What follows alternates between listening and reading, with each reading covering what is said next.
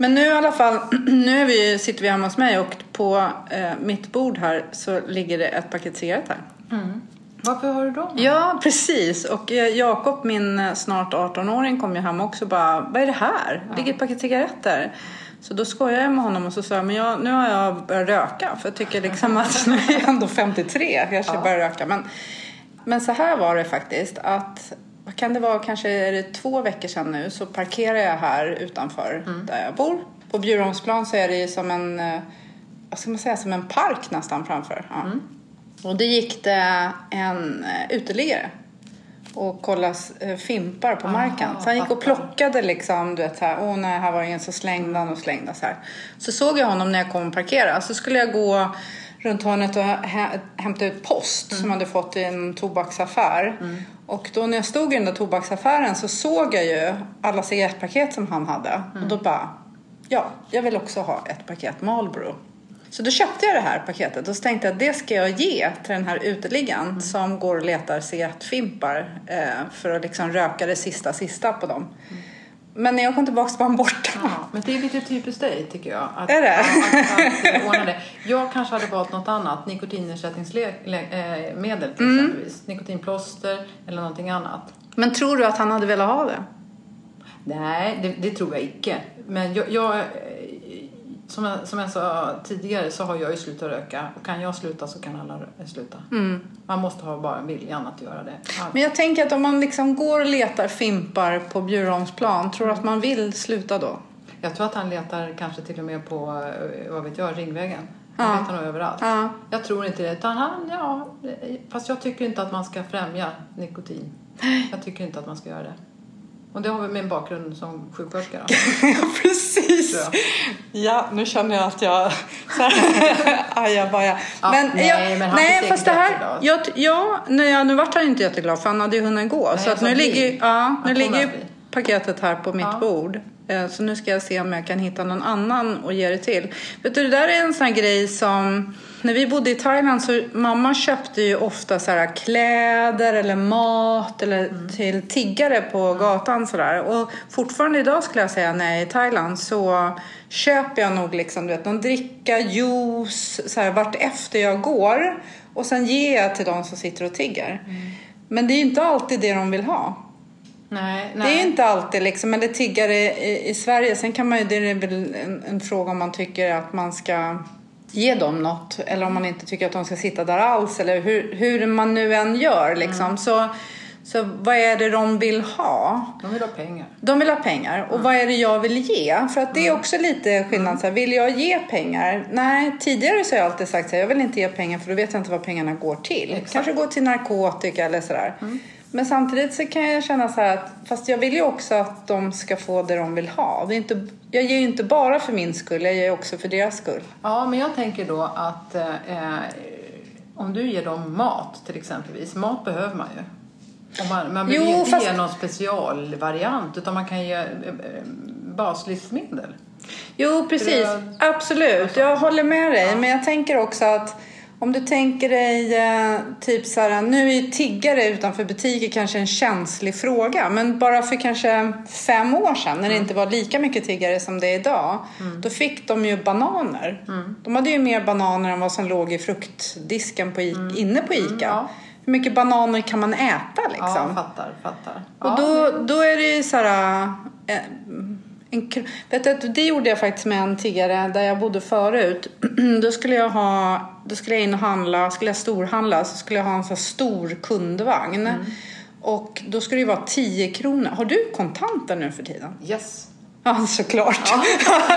Fel person att fråga. Ja, ja. Jag har inga kontanter och framförallt inte 10 kronor. Nej, alltså inte mynt. har jag inte. Men eh, 10 kronor. Jag, eh, vad heter det, läste en tidning för, ja, kan det vara, jag, jag, nu kanske jag är ute och cyklar, jag säger två år sedan, men det var säkert tio år sedan. Flera, flera år sedan så läste jag att om man, eh, man, om man sparar 10 kronor i en sån här petflaska, Mm. det ska vara den här hård, eh, hårda petflaskan, inte den här eh, vanliga, eh, Inte- ja, så här nej. jättemjuka. Men eh, om man sparar det, man, man får såga av eh, korken liksom här uppe och sen proppar man ner. För sen, sen får man inte ut dem, man måste såga upp den sen. Om man sparar 10 kronor i en sån, eh, kan du gissa hur mycket det blir? när den är full? Kanske 75 000? Nej, Men herre Mia. det är Ja, inte så mycket. Nej, men gott och väl, det är mycket pengar tycker jag. 10 000 kronor. Det är så mycket. Ja, Ja, och jag har sparat, jag tror att jag har sparat fyra eller fem sådana utan att tänka på det. Utan 10 kronor när jag får dem, eh, eller ibland kan jag växla upp två femmor till en tia så, där, så jag kan- kan börja fylla på den där.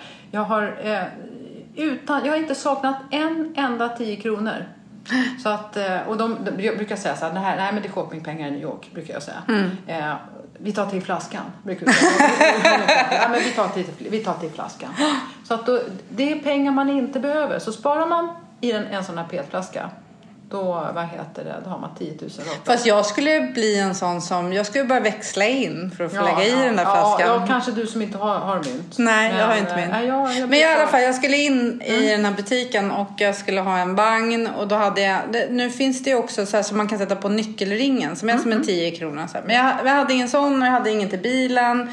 Och sen så, då brukar jag ta de här korgarna som man drar efter sig. Men då skulle jag handla ganska mycket. Då gick jag fram till den här tiggarkvinnan som satt där och frågade om jag fick låna en 10 krona av henne. Och det här var inte någonting som jag hittade på själv kan jag säga. För att det var någon, jag kommer inte ihåg vem det var, en kille som heter Micke Gunnarsson tror jag att det var, men jag ska låta det vara osagt. Som hade gjort det och jag hade läst om det. Så tänkte jag, gud vilken bra idé. Så då gjorde jag det, jag gick fram och frågade henne. Hon blev jätteglad och lånade ut 10 kronor till mig. Och sen så när jag gick ut då fick hon 50 kronor utav mig. Men det ville hon inte alls ha. Nej men du vet, jag tänker lite det här att man vill ha en mening. Ja, man vill, ja. ja Är du med absolut. på vad jag menar? I, i omvårdnadssammanhang så kallar man det, tror jag, man, eller man kan lägga det, koppla det till en omvårdnadsteori som heter KASAM. Det är Antonovsky tror jag som är, är eh, upphovsman till den. Och det är alltså, man, KASAM-teorin är känsla av sammanhang. Man vill ha ett sammanhang. Mm. Jag tror att det här kan man koppla till det. Det är, intressant. Och ju äldre man blir, desto mer tänker jag på, på KASAM. Man behöver ett sammanhang. Arbetslösa behöver ha någon mening. Gå upp på morgonen, duscha och göra någonting. Ha en sak att Mm. göra. Till exempelvis, sjuka behöver eh, koppla, eh, ha, koppla det här till att ha en uppgift. Kanske bara en sak per dag. Mm. Att de är en del i Ett sammanhang. Ja, absolut. Jag tror att det, är, jag tror det är ganska intressant. kan man läsa vidare på. Antonovsky. Det där är faktiskt... eh, Så du har rätt där tror jag. Men, men sen tror jag så här med, med tigga, det vet jag också där jag bodde förut så var det eh, något så här det är inte en återvinningscentral utan du vet sådana gröna eh, containrar där du stoppar glas igen och du stoppar tidningar igen. Ja. Eh, Så det var liksom inte en stor återvinningscentral utan det var bara sådana. Där var det också någon kille som hjälpte till att plocka ur bilen och så brukade, brukade han få en slant och då var det till och med så att jag visste ju att han var där.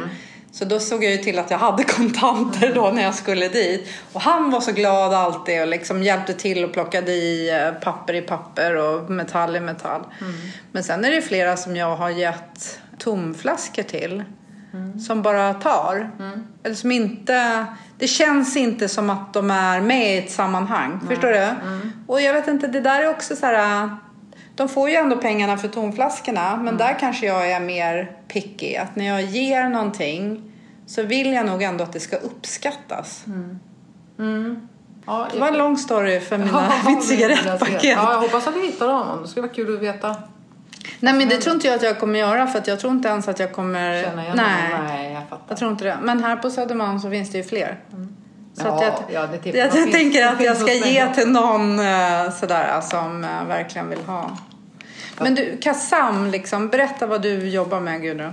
Ja, ja, jag tror inte vi har gjort en presentation. Nej, det har vi inte. Gör det du. Eh, ja, nej men jag eh, jobbar som eh, sjuksköterska och jag jobbar på en akutmottagning här i Stockholm och jobbar med patientsäkerhetsfrågor främst. Jag jobbar administrativt. Jag jobbar på akuten i, vad kan det vara, nästan, vad kan det vara, 19, 18, 19, 20 år någonting sånt. Och de senaste tio åren jobbar jag enbart administrativt, kliniskt givetvis på sommaren och helger och sådär.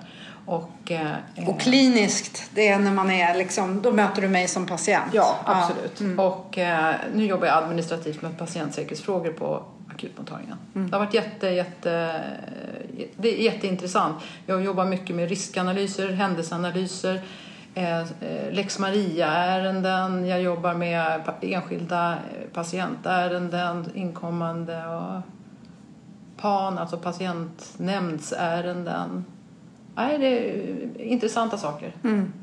Men du möter du oss som patienter fortfarande på helger? Och ja, absolut. Det... Nu har det varit ganska mycket. Jag tänkte säga ja. det nu med corona. Liksom, ja, varit... absolut. Då har man varit klinisk. Men eh, mitt verksamhetsområde har valde att, vilket jag tror var en framgångsfaktor, att eh, ta ut mig, eh, kvalitetsutvecklaren, eh, verksamhetsutvecklaren och eh, eh så har vi en sjuksköterska som har ansvarsområde om eh, med katastroffrågor. Henne. Vi eh, jobbade i princip nästan enbart med pandemifrågor. På... Men administrativt då? Mm. Ja. ja. absolut. Och då betyder det att ni ser liksom hur man ska lösa det? Eller, eller är det... Ja, det är nog lite olika. Vi, eh, vi fick ju besked, eh, eller besked och besked. Vi fick utav vår eh, chefsläkare med patientsäkerhetsansvar på sjukhuset fick vi en, ett mejl jag vill minnas att det här var kring Lucia. Att det har upptäckts ett, ett virus i, eh, i eh, en eh, provins i, i Kina. Mm. Och man, man varnade lite för det här, men det var lokalt utspritt just då. Och sen så hände väl ingenting mer, men sedan i slutet av februari tror jag så hade, började man läsa eh, FHM, Folkhälsomyndighetens eh, rekommendationer ut och, och, prognoser och då var vi ju ganska på tå så att redan i början av mars så började vi, eh, vi eh, tre stycken då, som eh, och började titta lite på det. Vi fick det uppdrag av vår verksamhetschef och det tror jag var att, att just akutkliniken var så på tårna. Eh, det tror jag var att vår eh, verksamhetschef har varit med om pandemi sedan tidigare så hon mm. hade erfarenhet av det här. Så vi eh, samlades väldigt tidigt i ledningsgruppen på akuten och eh, blev tilldelade den här uppgiften. Och, eh, och vi, sen startade vi då, eh, vi var tvungna att bygga som en liten organisation hur vi skulle hitta eh, lösningar för att eh, täcka alla behov just eh, som uppkom då för att vi, vi jobbade lite i blindo. Vi kunde ju se lite på prognoserna som, som vi fick från eh, FOM ganska, eh, ganska så snart vill jag säga att, att sjukhuset eh, gick upp i eh, eh, beredskap för att kunna eh, och bildade då en lokal eh, covidgrupp då och hade eh, startat en organisation för det. Och de, eh, de gav ju oss verksamhetsområden, de olika verksamhetsområdena uppgifter. Och just på akuten var det jag, eh, vi, vi var tre styckna Eh, från akuten som, eh, som jobbade mycket med de här strategiska frågorna som vi eh, grottade ihop oss med hittade på olika, hittade på, mm, tittade på tittade olika, på olika ja. flöden, scenarion, risker etc. Framförde det till den lokala covidgruppen på eh, akuten där vi även hade eh, läkare från de olika klinikerna som, som eh, har patienter på just på akuten kirurgkliniken, ortopedkliniken, hjärtkliniken, neuromedicin etc. Så då satt vi då, vi hade tre gånger, eh, först, vi satt nog faktiskt var, varje dag ett tag mm. när, det, när det taggades upp och hittade olika sätt eh, att flöda patienterna, hur vi skulle eh, triagera dem, vad, vad sa FOM, vad, vad hade vi för eh, symptombild som, som hade stöd enligt WHO och vad hade man för symptombild som hade stöd i vetenskap och beprövad erfarenhet etc. Så vi tittade på allt det och hittade då lösningar eh, som fungerade på just vår akut. Mm. Och det tyckte jag vi gjorde väldigt bra. Mm. Eh, så att i, i början, hela mars tror jag att man la in nästan 80 timmars veckor för mm. att få ihop alla riktlinjer, PM, eh, informera medarbetare, vi skulle omorganisera hela akuten, vi skulle ha olika flöden för mm. man fick inte träffas, eh, och mötas. Nej. nej. och alla skulle påtittas av Eh, I början var det, eh, man, alla patienter på akutmottagningen träffar och bedöms av en legitimerad personal. I vårt fall är det normalt sett en sjuksköterska. Men då taggade vi upp här nu att det var en, alltid en sjuksköterska och en läkare. Och då var det alltid en, specialiserad, en specialistläkare eller en sen ST som man kallar det. En, sen, eh, en, eh, en läkare som har, sin spe, går, har gått, kommit långt i sin specialisttjänstgöring och sin eh, så att han var nära examen, eller han eller hon. Hur som helst, då, tittar man på dem eh, och, bedömer om det här är en patient som, som kan, eh, ska ha överhuvudtaget komma in på akuten. För att vi arbetar ju ävenledes med att, eh, att Region Stockholm har ett hänvisningsstöd och, och då är det, där bestäms också vårdformen. Är vårdformen akut, akutsjukhus? Är det närakuten? Är det vårdcentral? Eh, husläkare eller är det att man kan eh, åka hem med egenvård? Men det, nu måste jag bara säga, ja. det där måste ju vara liksom en utmaning, tänker jag, för akut alltid, inte bara nu i Nej. det här. Nu blir det ju mm. liksom, nu, nu blir det ju någon form av krishantering som ja. ni gör för att det är liksom en kris och man är proaktiv och man ser hur ska man kunna lösa den här situationen om den ens uppstår. För det visste mm. ni kanske inte vid Lucia eller när ni väl Nej. började sätta igång. Liksom. Alltså, I höstas hade vi gjort ett enormt arbete med smittskydd hos oss. Mm. Vi hade hur vi skulle flöda smittpatienter för vi hade haft tidigare ett, ett, ett fall av mässling som är väldigt smittsamt. Eh, och hur vi skulle eh, hantera det på bästa sätt. Så att alla våra eh, PM och riktlinjer gällande bakterier och virus, det var i, på, i toppform vill jag säga. Mm. Så att där låg vi lite före. Mm. Så att vi hade ju då eh, ganska mycket gratis i det tänkte jag. Men, men jag, jag, jag måste bara, det är just det här med akuten, för att jag, jag vet så här jag har ju ändå tre barn. Ibland så har man ju ringt in till akuten och så har man blivit hänvisad till närakuten. Mm. Eller, och väldigt ofta, jag hade ju också mamma som var sjuk som jag åkte in med mm. ofta. Eh, ibland så var det till och med som man själv kände sig, nej men jag åker inte till akuten för där får jag vänta så länge. Jag åker till närakuten. Och när är det akut? Närakut? När ska jag ringa vårdcentralen? Alltså, att, mm. är inte vi som liksom patienter eller potentiella patienter väldigt benägna att åka till akuten? Ja, jag tror mycket att det är eh, kanske ett storstadsfenomen. Eh, till viss del måste jag säga. Man vill ha hjälp, man vill ha hjälp akut. Eh, man är ganska självcentrerad. Många, många är väldigt självcentrerade och vill ha hjälp här nu. nu. Liksom. Ja. Ja. Och man blir ju heller inte glad om man får beskedet att man inte kanske kan bli hjälpt eller att man kanske får ett, ett, en diagnos som kronisk sjukdom. Mm. Man vill bli frisk. Man vill få ett recept, äta en antibiotika och, bli, och åka hem ja. frisk. Alla blir inte friska. Alla, en del kan faktiskt eh, få en kronisk diagnos. Mm. Men eh, jag vet att det är en utmaning, men eh, Region Stockholm har ju ett hänvisningsstöd som alla ska arbeta efter.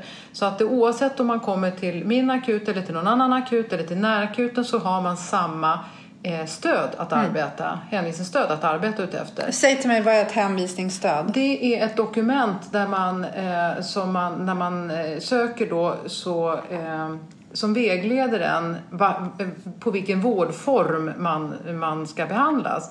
Alla behöver inte behandlas på en, en akut, akutsjukhus. Vissa, det räcker med vårdcentralen. Även man själv som patient tycker att nej men det här är jätteakut och till exempelvis har man en, en, en, en, en ont i ryggen sedan sex månader tillbaka jag kan förstå att man eh, mitt i natten får panik. Man, har, man orkar inte mer. Känslan är akut, ja, men det är inte akut. akut. Men det är inte akut. Nej. Då är det, det husläkare i många fall, om ingenting annat neurologiskt har tillstött, etc. Men är det så att man har ätit någonting, till exempelvis jordgubbarna som du vill bjuda på här. Om jag äter dem så kommer jag hamna på akutsjukhus. Alltså, är jag är så? superallergisk. Men så att, eh, ja det är lite spännande. Men eh, vi kan kanske göra en test. Nej det gör vi inte. Nej. Och då ett, en För du åka till närakuten tycker jag. ja det kan jag nog inte göra. Nej. Men eh, till exempelvis då en allergi kan faktiskt vara livshotande då ska man givetvis eh, ha förtur att komma in direkt till akuten. Och där gör man också en bedömning i, eh, på akuten. Eh, eh, man, tar vitalparametrar och sökorsak och gör en bedömning. Vi arbetar ju efter ett beprövat bedömnings och prioritering och bedömningssystem. Och där får man en bedömning till hur pass eh, Akut är det. Ja, eller hur pass snabbt den här patienten måste komma under läkarundersökning eller läkarbehandling.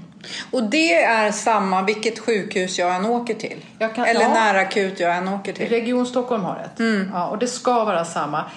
Det, ibland gör man individuella, kan man säga, bedömningar. Jo men det är ju Eh, och- ändå bedömningar Ja, så och att det är det- inte liksom... Det Ja, går inte... det är svårt ibland. Ja men Och- såklart, för vi är ju människor. Det är ju ni som ska bedöma också. Absolut, och det är svårt. Man kan, ibland är det knepigt för man fattar att eh, man, man, man kan få nog. Man har haft ont i ryggen i sex månader och sen bara, nej jag orkar inte, men jag orkar inte. Och då måste man få hjälp här och nu. Dock är det ju inte Akut. akut Nej. oftast. Ryggen kanske inte är akut, Nej. men det, det kanske blir någon psykisk Ja, ja, grej absolut, som blir absolut. akut för att man inte får hjälp. Givetvis, men jag tänker också att det här är ett sätt eh, som, eh, som eh, är till för att vi ska hant, eh, använda skattepengarna på bästa sätt. Mm. Så det är ingenting som vi sitter och hittar på på mitt sjukhus utan det här sitter man ju och eh, det här har man utvärderat på högsta medicinska kompetens Mm. baserat på studier, baserat på all vetenskap och beprövad erfarenhet som finns. Så att det är ju inget eh, hokus pokus som man Mm. Nej. sitter och hittar på själv. Nej, och det känns ändå ganska skönt tycker jag, Mm. att det inte är det. Jag har ju ändå haft tur, ta i trä, att, att jag har varit ganska lite på sjukhus. Eller jag var i och för sig på sjukhus med min mamma en del, men, eh, men däremot så har jag tre barn och två förlossningar. Och då vet jag att när Fredrik och Marcus föddes, och det är ju länge sedan nu, det är ju snart 28 år sedan. Tänk att det kommer jag ihåg. Kommer du ihåg det? det är snart 28 år Ja, det är sedan. Det är helt sjukt faktiskt. Ja. Ja.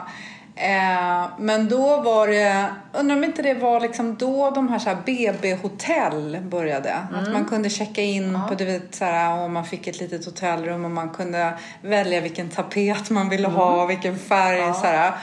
Och nu vet inte jag om det var för att jag väntade tvillingar, men jag tror Mm. inte det. Jag tror att det handlar mer om mig, att jag var helt ointresserad av det. Jag vill gärna ha ett sterilt sjuk... Jag vill vara på sjukhus. Mm.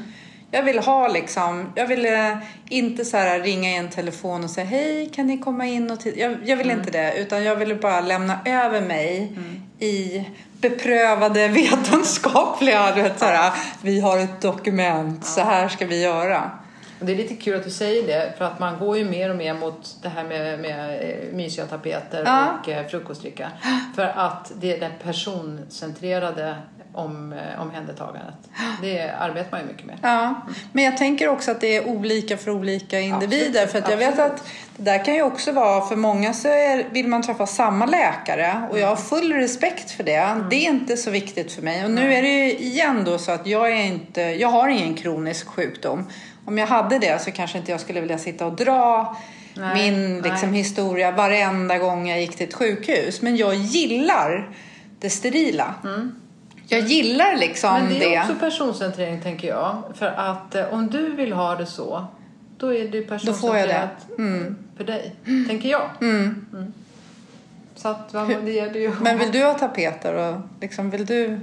Nej, jag vill ha bästa, bästa, Eller hur? bästa doktorn. För, precis, Och men man, tänk, ja, men man tänker någonstans att bästa doktorn eller bästa sjuksköterskan har egentligen inte alls med tapeterna att göra.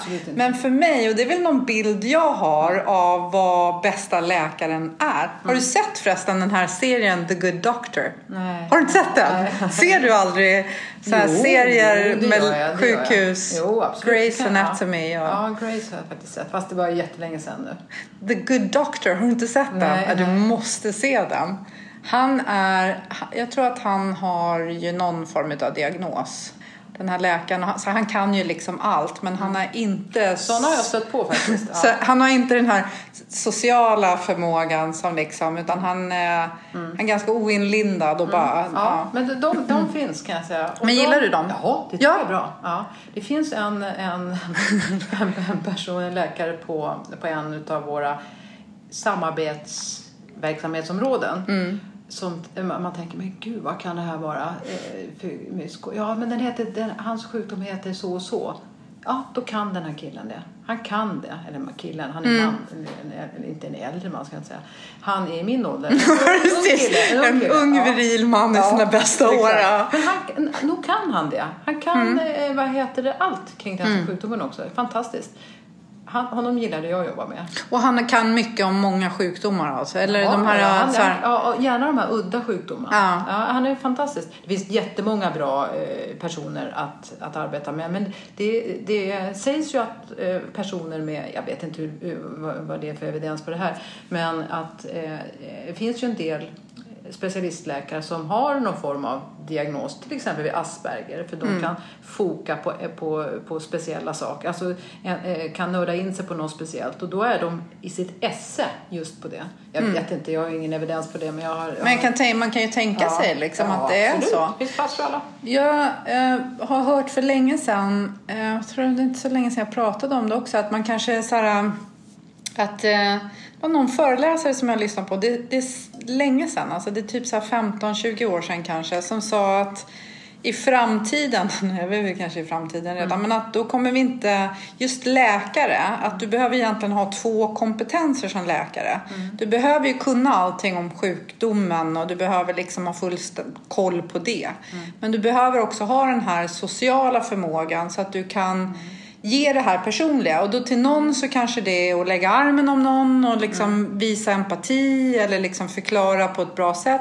Och för någon annan kanske det är att vara så här kliniskt rak, det här är det som gäller och så här. Så, men du be- ja, precis. Men du behöver ju ha den förmågan för du ska ju inte centrera utifrån dig själv som person utan utifrån patienten. Nej, det, det är Mm. personcentrering tycker jag. Ja, precis. Ja, verkligen. absolut. För mig också. Men det är två kompetenser. Du ska kunna sjukvård. Mm.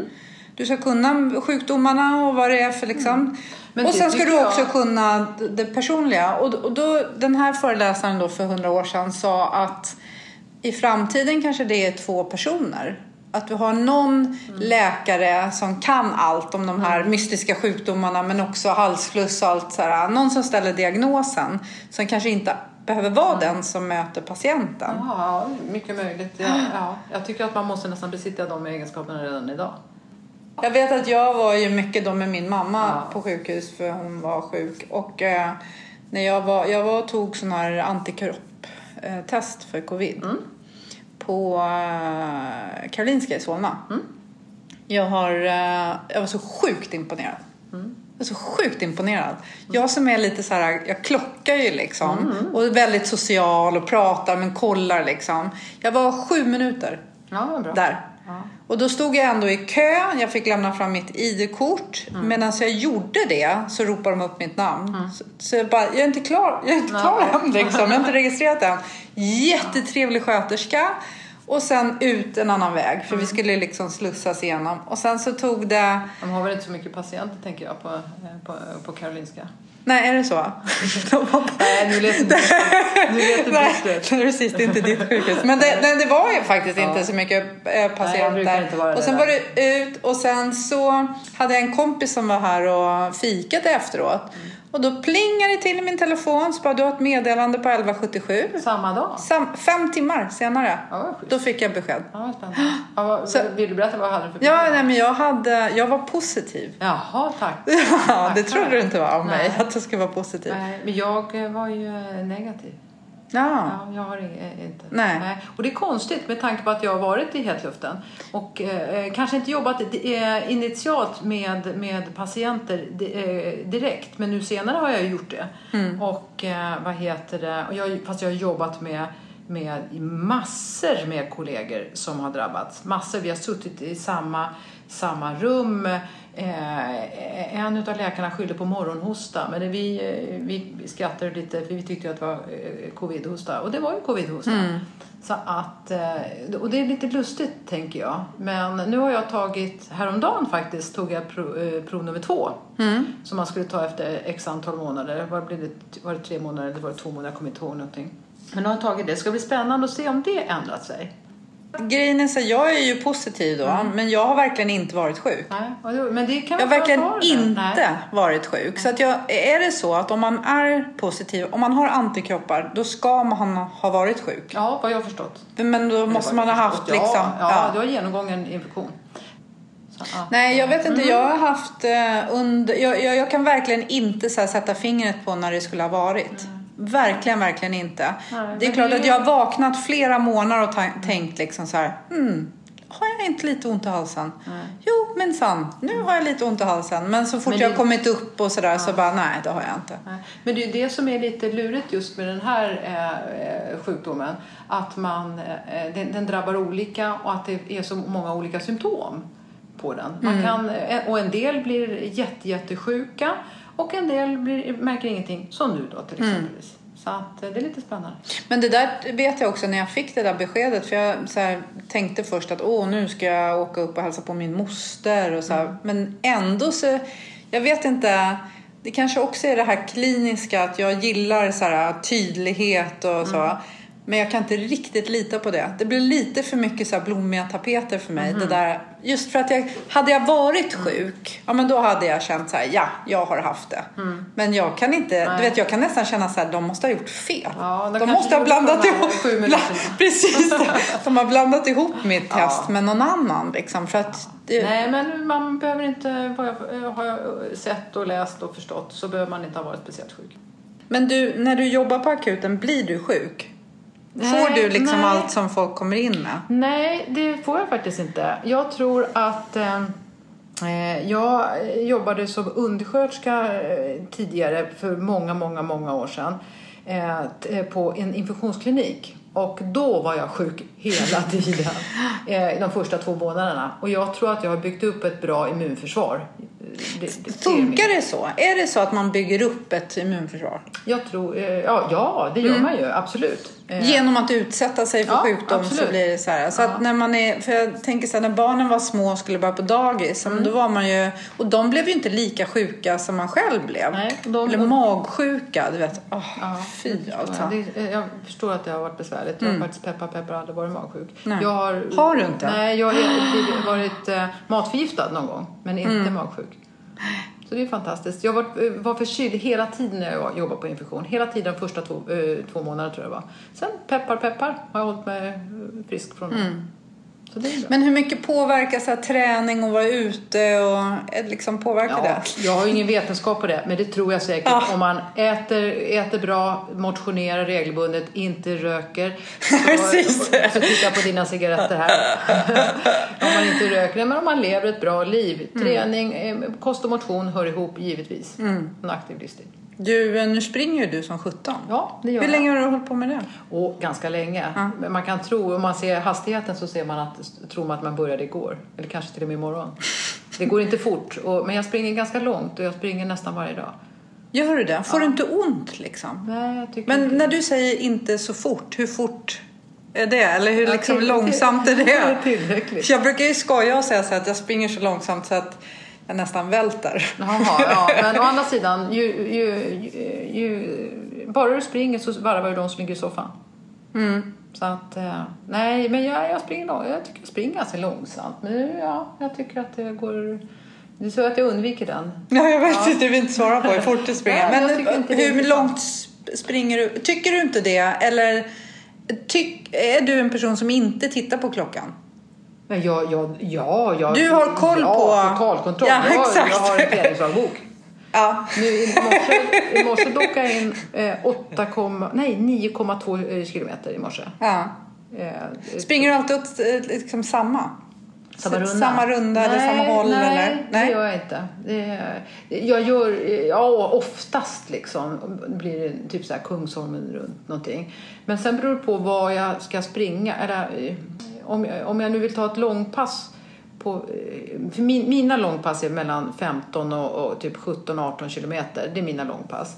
Eh, jag kommer eh, försöka eh, jacka på några kilometer lite då och då. Men man kan heller inte öka för mycket. Men eh, mina långpass är i alla fall under 20 kilometer. Men, och då måste jag ju lägga på. Då måste jag tänka att ja, då tar jag den rundan så lägger jag på Västerbron två gånger och sen tar jag sådär. Så att man, det beror ju på. Men i morse hade jag lite bråttom. Eh, så att, och då var jag tvungen att ta den lite kortare sträckan. Men springer du fortare när du har bråttom? Eller liksom springer du ut så här? det är det är så olika. fascinerande. Det, det är lite olika. Igår, eh, igår kväll så körde jag ett eh, intervallpass som var, eh, ja, det var jätte, jättejobbigt. Så att det var jag väldigt stel i morse kan jag säga. Så att ja, det gick inte jättebra idag. Men eh, det gick bättre mot slutet. För jag, det, man, man, eh, det märks att man är lite äldre. Man är stel och, och lite mindre rörlig. Så att jag kombinerar det med yin-yoga och styrketräning. Så, så att jag tränar ganska mycket. Jag tycker det är roligt att träna. Jag har alltid gjort det. Och vi har ju, du har ju tränat gymnastik, det har jag också gjort. Mm.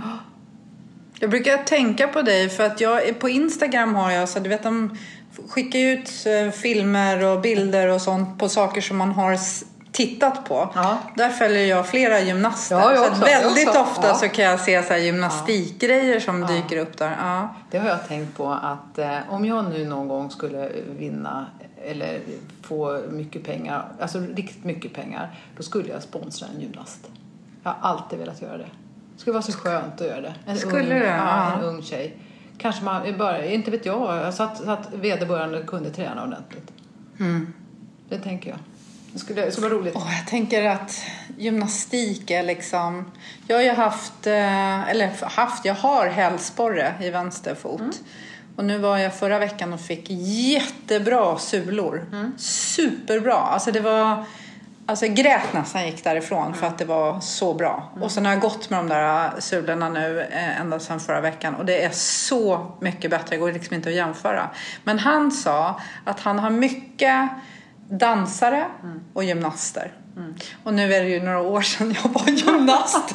I och för sig inte jättemånga år sedan. Men, eh, eh, men han sa det dig är att... det jättemånga. Ja, ja, det är jättemånga för mig också. Jag skojar bara. Men att... Eh, han sa att man ser aldrig basketspelare för de har bra skor.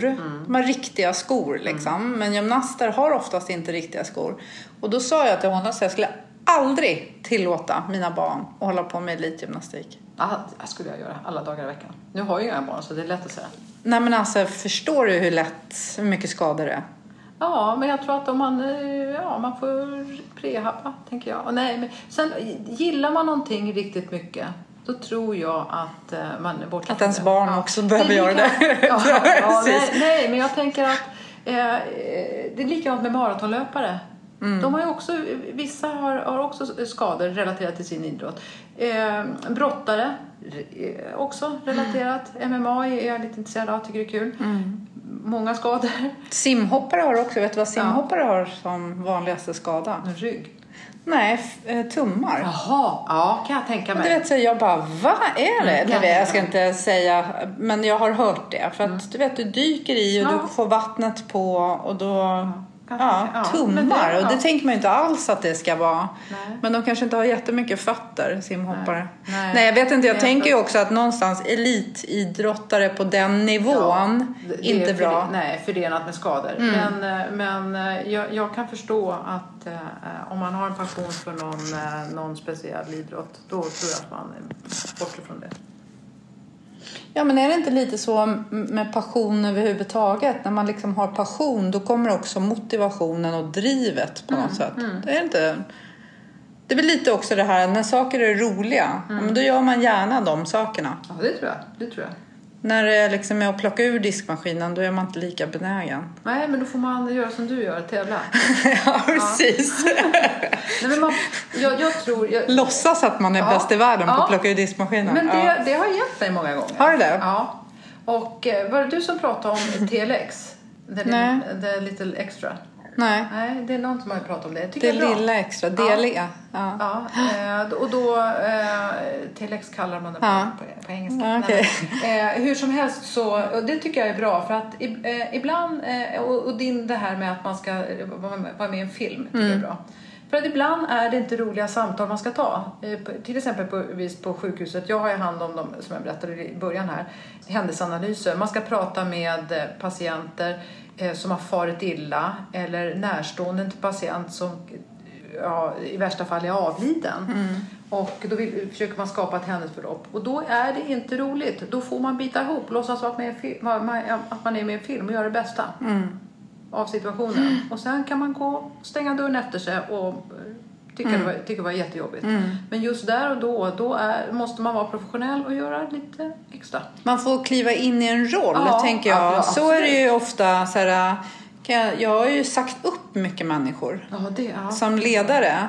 Och det är klart att det har ju varit människor som jag har tyckt om och som jag liksom också har kanske haft en relation till. Jag kanske har varit deras chef och så här. Att, eh, att det blir jobbigt. Men att då har jag tänkt verkligen att jag, det är inte jag som person utan jag kliver in i min ledarroll. Ja. Och den har hjälpt mig ganska mycket att tänka på vad är jag och vad är min roll. Sen kanske man inte på sikt i alla fall ska vara i en roll som inte är jag alls. Nej. Då, då blir det jobbigt liksom. Men det finns vissa saker i mitt arbete som kanske inte riktigt är jag men som jag ändå förväntas göra och som jag får lön för. Så, så kan det ju vara. Absolut, absolut. Jag tror att det där skulle sjukvården behöva lära av. Det tror jag. Ja. Det här med roller och ansvar och man, Ja. Det är lite då som eh, eh, på SAS, tänker jag. Att har man, så, jag har nästan alltid haft uniformerade jobb. Man, man har en uniform, då, när man sätter på sig den, från det man sätter på sig den är man professionell.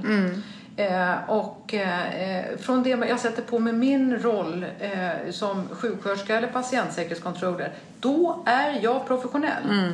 När jag går in genom, genom sjukhusets dörrar, då börjar mitt arbete på något sätt, även om jag inte har stämplat in tycker jag. För att eh, jag är en person i ledarroll. Att vara, jag, jag är ju ledare fast inte är, jag är ingen chef. Och då eh, tänker jag att de, de ser ju på mig. Om jag skulle stå, ja vad vet jag, i till exempelvis om jag står i eh, personalkläder och röker. Ja, nu, vet- Röker du inte längre? Nej, jag Nej. röker inte längre. Men samla fimpar. Nej, men om jag står och, och röker, det får inte vi göra. Nej. Och, men skulle jag göra det, då skulle de direkt hugga på det, medarbetarna. Ja, men hon gör ju det, hon gör ju det. Så att jag måste tänka exakt på vad jag gör. Likadant, har jag SAS-uniform, då har jag den uniformen, det är den rollen jag har då. När jag tar av mig den, då är jag privatperson igen. Men jag tror också att det är så lätt att tänka uniform när du verkligen har en faktisk uniform som du klär på dig. Men jag brukar ju också säga att när du är anställd på ett företag så har det företaget ofta värderingar, mål, strategier, en vision. Och det är viktigt för dig som medarbetare att ta reda på vad det är för några saker. För det är din uniform som Ja. du klär på dig. Sen kanske det inte är de facto en kjol, blus, en kavaj som Nej. liksom är en på riktigt uniform. Men det finns vissa saker som du behöver klä på dig. Och att det är det som du ska göra. Den här rollen som du ska uppfylla. Och för det får du lön. Ja, det är precis. Jag, köper rakt Ja. Och fast inom sjukvården har vi uniform. Vi har bussarong, vi har byxor eller bussarong, eller förlåt, klänning och byxor. That's it. Och vi har eh, klädrutin hur vi ska, eh, hur vi ska se ut, hur, eh, hur hår ska vara uppsatt eh, eh, och skägg eh, ex, etc. Piercingar etc. Vi har eh, eh, naglar och, och alla sådana saker. Det har vi regler på som dessvärre inte alltid följs. Nej. Men om jag inte följer dem som ledare utan att vara chef. Eh, om jag inte följer dem, då det är inte bra. Nej, det är en inte bra. Och sen så är det, det där är också intressant tycker jag. För att som medarbetare så är man väldigt kritisk uppåt. Ja, ja absolut. Eh, men man kanske liksom inte tänker på så här, fast jag har också målade naglar. Eller förstår du? Men man har, och, och jag menar, jag vet inte. Jag tror att det där är både en sak som man får gilla läget på. Det ingår. När du blir ledare så kommer folk Ja. se dig mycket mer. Och det är något som du lite så här valt. Jag tror det, jag tror det. Men jag tror att man, eh, man ska föregå med gott exempel, alltid. Det ska man göra oavsett tror jag om man är ledare eller medarbetare. Ja. Och det är Ja. lite det som är tanken med min film. Så både att det är en roll som jag spelar men Mm. jag tänker också så här om jag nu, om det här var på film, hur skulle jag göra då? Mm. Ja. Du vet om jag blir jättearg på min 18-åring liksom. Mm. Ja men om mina kunder såg mig nu. När jag pratar konflikthantering och så ser de hur Ja. jag liksom går upp i spinn bara på en 18-åring som gör något. Liksom. Ja. Nu är han väldigt snäll men Ja. Förstår du? Alltså, Ja, då, blir inte, då föregår ju inte jag med gott exempel Nej, nej, och då nej. tappar jag ju trovärdighet när jag står på scen. Så att jag behöver vara professionell. Mm. Även när jag inte liksom, är på jobbet eller står på scen. Mm. Samtidigt så är jag bara människa. Ja, absolut. Så att man Det kan man. inte, man. men så jag menar inte att filmtänket ska Nej, göra det jobbigt för Nej, en. Utan det- det, är mer liksom att Det det, lätt- hjälper mig. Ja, men det är lättare att, att, att, eh, liksom att man försöker tänka sig att man, att man, är, att man, är, att man ska vara professionell innan, och man ska förbereda sig innan man går in, tycker jag. Till, till i ett samtal, i en, eh, i en konflikt eller i en eh, intervju eller vad det nu kan vara. Ja, det är respektfullt att göra det. det är, eh, och tvärtom, det kan bli väldigt respektlöst att inte förbereda sig. Men sen är det också så här, det vet jag att när jag jobbade som säljare på SAS så hade jag Kerstin Hassel, kommer du ihåg henne? Ja, ja, ja, en av de bästa chefer jag har haft faktiskt. Det var någon gång när jag tyckte själv att jag inte hade förberett mig. Och så sa hon till mig så här, fast du har ju förberett dig i 20 år. Är du med? För att jag, jag kunde vara så här, du vet, man ska göra någon powerpoint och man bara man ändrar något ord till och något till och något till och något till. Och, och det är ju också, handlar ju också någonstans om självförtroendet när man kliver in. Alltså idag kan jag kliva in eh, på möten, inte så här oförberedd, men tänka att jag kan vila i den kompetens som jag har med mig. Eller om du skulle här, säga här Lisa, har du en scen, det sitter 500 personer i den här publiken, kan du prata i en timme? Då skulle jag utan problem kunna ställa mig på scenen och prata. Jag skulle också kunna tänka sig, jag är inte förberedd, nej inte för det här, men jag har stått på så många scener och pratat så många gånger så att jag har förberett mig. Eh, Förstår du vad jag menar? Så här invecklat men skillnaden blir ju liksom Ibland är det ju att förbereda just det här mötet. Men man kan också vila i att jag har Absolut, men jag tror inte man kan vila alltid på eh, vad man har med sig i bagaget. Nej och det tror jag många gör. Det, absolut. Ja. ja, absolut. Och då tror jag också att man när man gör det då är man inte, vad sa vi nu, personifierad? Personcentrerad. Personcentrerad, eller hur? Det är det ju inte. Nej, det är det Nej. inte. För att då förbereder jag mig, eller då har jag förberett mig på en massa andra individer. Och det är inte säkert att det Jag tycker gäller att det är, för dig. Ja, för framförallt så är det ju respektlöst. Mm. Att man är, är, jag är, ska, ska- ska kom- komma till ett möte och eh, man, man, man, blir, man är förväntad att göra någonting. Antingen presentera någonting eller ha åsikter om någonting eller eh, eh, ja, man är där i egenskap av roll. Och eh, om inte jag förbereder mig på inläsningsmaterialet eller eh, liksom tänkt igenom agendan eller någonting, då det är respektlöst. Likadant som jag är mycket eh, avvokt inställd när man drar över tiden. Till exempelvis om man har bokat ett möte på 60 minuter, då är det 60 minuter. Det är inte 72. Det är jätteirriterande och det har jag fått lära mig the hard way. Så att nu tar jag och jag brukar gå. eh, Jag, jag är ledsen, jag bokar på annat håll även om jag inte är bokad. Men jag har så mycket att göra så att då vill man, man vill ha respekt för det. Och det, det är vi lite sämre på, på mitt verksamhetsområde. Det dras gärna över. Och det tycker jag inte om. Nej, det där är liksom att passa tid är ju ofta i, i början, alltså Mm. när man startar på tid. Men det är precis lika sluta respektlöst ja. att sluta på tid. Mm, jag tycker det. Men det har blivit något bättre. Men bra är det inte. Nej. Nej. Man ska disponera sin, sin tid som mötes, om, om man är om mötesordförande, tycker jag. Så jag. Jag försöker göra det. Det där med att hålla tider på möten, Mm. det, det, det är fascinerande kan jag tycka. För sen, ibland så, ibland, ibland sitter jag med Mm. eh, när jag ska jobba med ett företag. Då kan jag sitta med några möten bara för att se hur saker och ting funkar. Mm. Och ibland så kan jag uppleva att folk som inte eh, har koll, hundra koll på läget de släpper gärna iväg en diskussion. Mm. Alltså om någon börjar prata om något och det blir liksom Det är ändå en lite mysig stämning i Ja, rummet och det exakt, pratas och alla är engagerade. ja. Då vilar man lite för då bara, gud vad skönt. Så här, det har varit inte så läskigt för Nej. Mm. mig som driver mötet. Så det ser jag ganska ofta och så hinner man bara tre punkter fast man hade 13 på, på sin agenda. Mm. Men jag har också de här som bara, ja nu är klockan två. Nu måste vi bryta här. Mitt i en diskussion som ändå är liksom, du vet som, som till och med tidsätter agendapunkter så här, den här ska vara färdig 14.23. Jaha. Ja, nu är klockan 23. Det här får vi, nu får vi avsluta den här diskussionen. Nu går vi vidare till nästa punkt. Och då kan det ju vara en massa saker som blir hängande i luften. Så att, att leda ett möte, jag skulle säga att det är förvånansvärt få som kan det. Förvånansvärt så. Ja, jag känner igen mig allt du säger. Jag är nog både och där. Ja, men jag tror att man är både och. Det är lite olika på olika möten och ibland så lyckas man väldigt bra. Jag faciliterar ju en del ledningsgruppsmöten Mm. och då är jag med och leder diskussioner Mm. fram till avslut. Och då vet jag, okej, nu har vi nästa punkt. Den här punkten ska ta 20 minuter. Ni har fått ett material. Jag förväntar mig att ni har läst igenom det.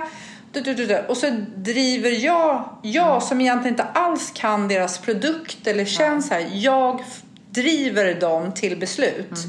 Det Eh. tror jag skulle vara väldigt bra inom sjukvården.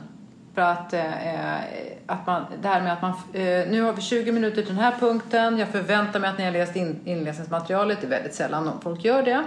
Och, eh, och för att där måste man börja berätta vad det är för någonting som vi ska besluta om. Inte vad har ni för eh, åsikter för, vad är det för fördelar och nackdelar, eh, vad kan vi komma till beslut?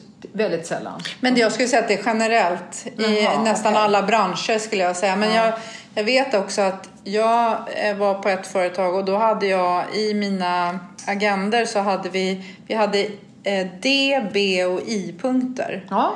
I-punkter är information. Ja. Det är ren information. Vi behöver inte diskutera det. Nej. För det är också så här, om jag är lite orolig, lite nervös när jag ska hålla ett möte så ger jag någon information och så blir det diskussion kring Mm. det. Så är det lätt att jag som mötesledare släpper taktpinnen och låter folk Ja, diskutera. men vad- Men ska inte diskuteras. Det är ren och skär information. Och jag brukar säga till mina kunder ta det på mail. Det är bra. Information, det är ren information på mail. Sen kan man eh, följa upp det. Mm. Säga så här, ni har fått den här informationen. Mm. Alltså, så kan du göra liksom när du träffar folk. Men ren information, mycket bättre att ta på mail. Bra, det är Sen är det diskussionsfrågor. Mm. Eh, det som är diskussion och då kanske man får ut ett material i förväg Mm. som du förväntas ha läst på. Har du inte läst på det, då kan du inte vara med och föra en diskussion. Och vad har du för tips där då? Nej, men, Om- om- därför att jag skulle säga att det måste finnas en konsekvenskultur. Mm. Så att då säger man så här, nej men vi har inte, alltså, eller, Gudrun har inte läst på, men Lisa har läst på. Ja, men då kan inte Gudrun vara med i den här diskussionen. Ja, det, Och så börjar du ställa frågor så här, men vänta jag fattar inte det här. Fast det stod i materialet. Det är bra. Det är Och bra. om jag då är liksom, om jag skulle facilitera ett sånt möte så kan jag till och med vara lite, inte elak, men jag kan vara lite så här, eh, nej, det kan vi inte ta nu. Mm. Det skulle du ha gjort tidigare. Så att det gör lite ont i dig, nästan att det blir, du tycker att det är lite pinsamt, lite Och- skämmigt. Och kanske läser på till nästa gång. Då kommer du läsa på till nästa Ja. gång. Det Men det, det är också så här att om jag tillåter då, och det tror jag att det är lätt att göra om jag själv är lite osäker. Då börjar jag förklara för att vara snäll. Mm. För då, och då får jag också liksom en, då blir inte min roll lika jobbig. Nej. Men det jag gör är att jag talar om för dig då. Att du behöver inte okej. läsa på. För att har du inte gjort det, Så hinner du bara kanon. så för- förklarar jag. Men jag talar ju också om det för alla andra på mötet. Ja, jättebra. Det där var en Så, jättebra så det ska jag säga så nej. Och likadant beslutspunkter. Mm. Då förväntas du komma till mötet beslutsmässig. Att man, inte, man kanske har någon fråga som man Ja, vill, eller eh, den kanske man till och med har tagit eh, tidigare då. Ja, men om man vill, eh, om man har... I diskussion. Ja, det kanske om, är veckan innan. Då var det diskussion. Fast sen, för vi har ju oftast så att vi har eh, vissa beslutspunkter och där det skickas ut grejer, inläsningsmaterial innan. Och då när man läser det kan det uppstå något problem som man vill fråga om, dryfta om och sen ta beslut. Mm. För att vi tar ju beslut gärna ganska snabbt. Vi vill gärna göra det. ja, men då kan, ja, det beror lite på vad det är för forum, Mm. vad det är för mötesforum. Men jag skulle säga att ju mer sånt som du kan, om, om jag läser på materialet och så är det något jag inte förstår. Mm. Om du vill att beslutet ska fattas snabbt, men rätt såklart, det ska ju Mm. vara kvalitet i dina beslut också. Då ställer du de frågorna innan. Till, då, till den som Ja, drar eh, ja, beslutet. Ja, Exakt. ja. Nej, men då kanske du kommer till mig och säger du Lisa den här beslutspunkten, jag förstår inte det här och det här. Ah, vad bra att du frågar. Så här menar jag. Mm. Det ger ju också mig en möjlighet att skicka ut till de andra som ska vara med och fatta det här beslutet. Mm. Att Gudrun kom med en jättebra fråga, jag vill förtydliga det så här. Bra, det var ett bra tips. Så, men att man, man liksom beslut, det är beslut. Mm. Och är du inte påläst, nej, då kan du inte vara med och fatta beslutet. Men du får ändå leva med beslutet. Mm. Ja, intressant att du säger det. Det här kommer jag ta med mig. Det var bra. Det är bra. Ska vi avsluta där? Ja, kan vi göra. Är det något mer så som du känner att du Nej, jag, Sitter och trycker på? Nej, absolut inte. Jag tänkte bara, jag undrar om det är folk som är intresserade av att lyssna på mitt... Jag är helt övertygad. Jag är helt övertygad. Jag tycker att det har varit kanske lite spretigt, men eh, om någon vill följa arbetet på min akutmottagning så kan jag göra lite reklam för Ja, det tycker jag absolut. Ja, för oss. Vi, eh, eh, vi har ett Instagramkonto som har rönt succé som eh, vi vill ha fler följare på.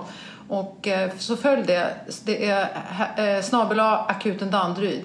Jag tycker att ni ska följa det. Vi har jättekul på jobbet och det här är ett jättebra konto. Akuten Danderyd. Ja, det ska jag också börja följa. Ja. Ja. Och sjukhuset, det är faktiskt ett jättebra sjukhus att jobba på. Mm, det tror jag det. Ja, Ja. Så välkomna att höra av er till mig om det är, ni har frågor eller fråga direkt på akuten Danderyd, Ja. Instagramkontot. Tack Gudrun. Tack. Tack.